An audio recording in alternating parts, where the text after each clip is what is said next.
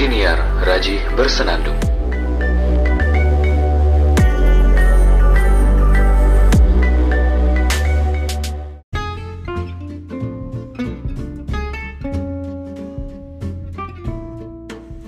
Halo. tenang, tenang, tenang. Kita harus menenangkan diri di situasi yang panik kayak gini di tengah-tengah pusingnya masyarakat menghadapi corona. Yang pusing nggak cuma masyarakat, tapi semuanya, semua orang. Masyarakat iya, akademisi iya, pemerintah apalagi. Meskipun pemerintah kita ya begitulah. Ya bagus, tapi kurang tegas aja. beraninya gue protes pemerintah oke lah uh, terlepas dari itu kita harus menenangkan diri dengan membahas hal-hal lain selain corona dan lain sebagainya informasi tentang corona bisalah didapat dari internet gampang.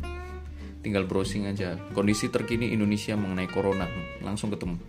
Kondisi terkini Malaysia dan lain sebagainya. Banyak lah so pernah nggak sih saya membahas tentang hal-hal yang sifatnya sensitif? Kayaknya belum ya. Oh, pernah sih waktu itu ada episode ditinggal nikah. Itu episode paling banyak ditonton eh ditonton didengerin di podcast Raji Bersenandung. Heran gue mungkin karena teman-teman itu melihat sesuatu yang wah Raji itu orangnya suka galau. Kemudian ngelihat ada postingan uh, di Instagram saya tulisannya aku ditinggal nikah episode 8 kalau nggak salah itu. Ya orang-orang langsung rame-rame lah mendengarkan. Oh, kalau misalkan sifatnya penderitaan gitu menarik ya anyway uh, saya pengen berbagi lah. Berbagi tentang satu poin uh, bukan poin tapi satu bagian dalam kehidupan saya yang mungkin bisa menjadi inspirasi buat para pendengar setia podcast Raji Bersenandung yaitu mengenai merasa sangat malu dan malu banget di situasi yang sangat memalukan. Gini uh, mungkin uh, gimana ya um, kondisi saya pada situasi di mana saya itu sangat malu banget itu banyak sekali sering, sering banget Nah, mungkin bisa jadi pembahasan tentang malu ini um, bisa di beberapa episode. Nah, mungkin saya uh, sedikit berbagi tentang malu di sini. Uh, ya iyalah, nggak maksudnya saya pengen berbagi dulu di very very first time I felt uh, embarrassing moment. Ketika SD waktu itu. Waduh, malu banget. Malu semalu-malunya. Gini ceritanya. Waktu itu pelajaran matematika ngebosenin banget. Gurunya Pak Basuki waktu itu. Pak Rahmat Basuki.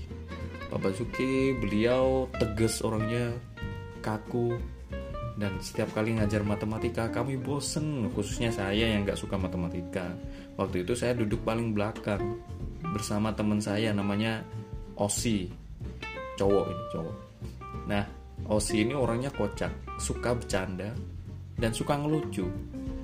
Dan ditambah lagi sifat saya yang ya gampang ketawa, receh banget gitu loh ketawanya. Uh, selera humornya itu rendah banget. Apa pun yang mungkin uh, menurut saya lucu itu ya gak gini-gini maksudnya hal remeh itu bisa menjadi lucu bagi saya. dan belum tentu orang lain tertawa. Nah, Osi ini suka bikin hal-hal receh yang membuat tertawa. Karena waktu itu pelajaran matematika bosan banget, maka kami kami berdua itu ngobrol satu bangku kan. Kami ngobrol sampai ujung-ujungnya dia bikin satu gambar yang membuat saya ketawa kenceng banget. Kenceng banget.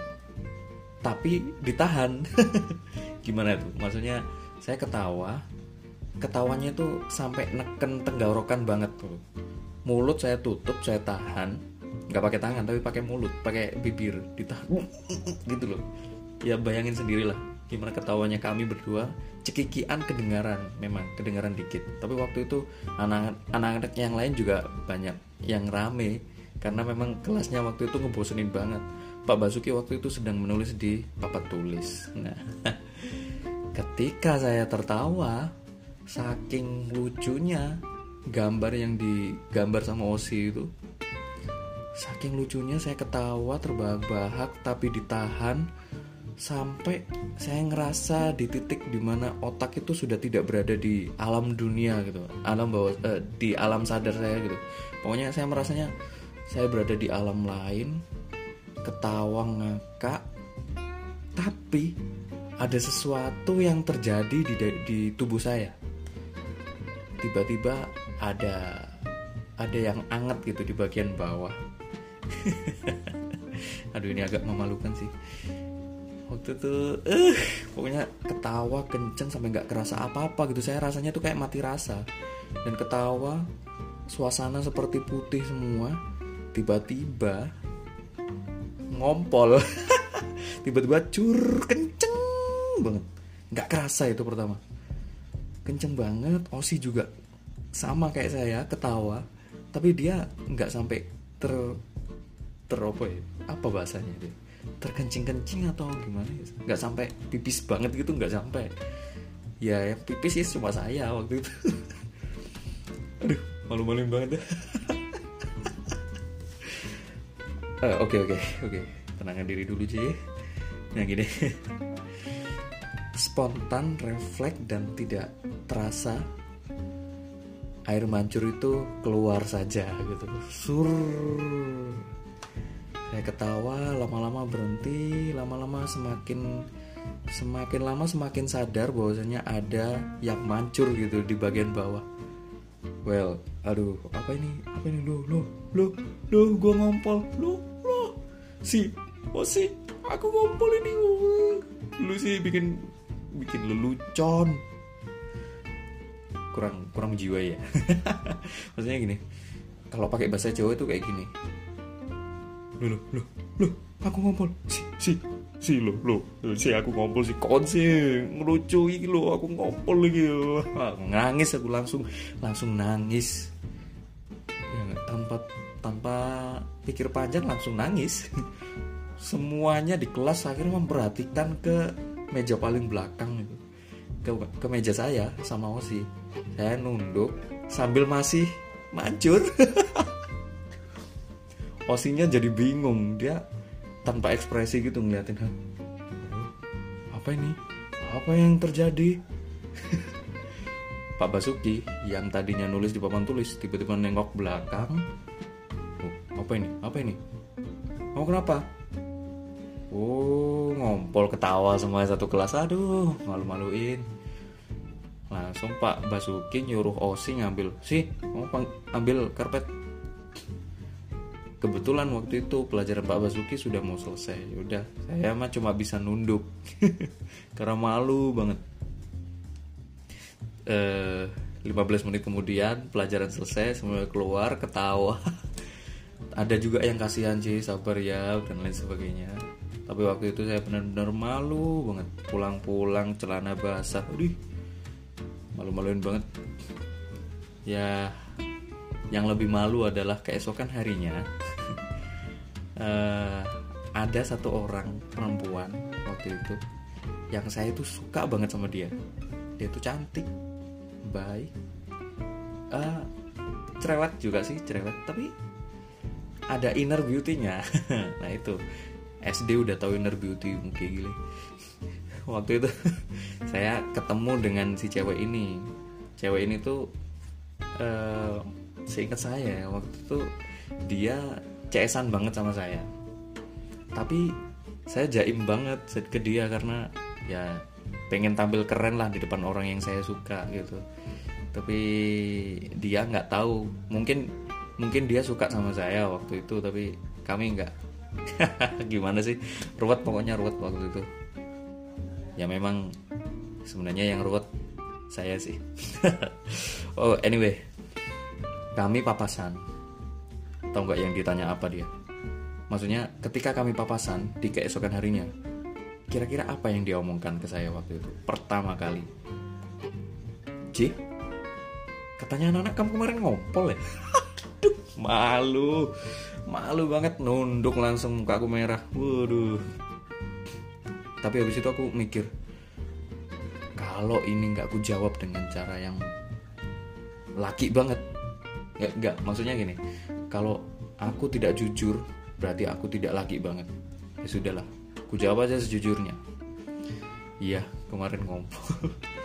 Sambil meringis memang. Ya sudahlah. Ya dia ketawa habis itu nggak nggak sampai mempermasalahkan atau sampai ngejek-ngejek itu enggak. Ya untung aja lah. Waktu itu aku bener-bener ngulus dada lah. Selamat saya waktu itu ya udahlah. Itu salah satu momen yang memalukan. Momen memalukan yang lain akan saya share di waktu yang lain. Intinya pelajarannya adalah hmm, tertawa yang berlebihan itu membuat hati mati. Dan saya waktu itu merasakan hati dan perasaan benar-benar mati. Saya merasa seperti yang saya deskripsikan tadi ya nggak tahu kalau misalkan ngena apa nggak deskripsinya. Yang jelas waktu itu saya ngerasanya saya benar-benar tidak ada di situ. Saya berada di sebuah ruangan putih semua bercahaya nggak ada siapa-siapa dan saya merasa tidak berpijak di atas tanah waktu itu. Dan uh, ya nggak ngerasain apa-apa. Tahu-tahu cur aja gitu. Tahu-tahu mancur aja ini air kencing aduh. Itu pelajarannya dah. Habis itu ketika saya tertawa terbahak-bahak saya coba tahan. Dan ketika saya tertawa mulut saya berusaha saya tutup. Nggak sampai ngakak banget sampai mangap gitu nggak.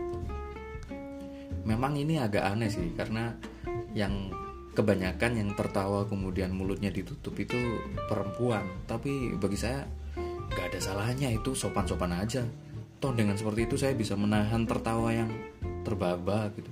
Ngakak boleh tapi saya harus bisa kontrol diri lah. Kalau tidak dikontrol ini waduh lupa. Waktu itu sekali seumur hidup waktu itu saya merasakan lupa benar-benar lupa diri banget. Uh ya udahlah itu aja di episode kali ini. Semoga ada pelajarannya dan ada hikmahnya. Semoga kita sehat semuanya terhindar dari virus mematikan dan tetap sehat selalu semua urusannya lancar meskipun work from home dan rasa bosannya cepat-cepat terobati. Semoga corona semakin terkikis menghilang hari demi hari sesegera mungkin biar kita bisa segera jalan-jalan. Terima kasih sampai jumpa di episode berikutnya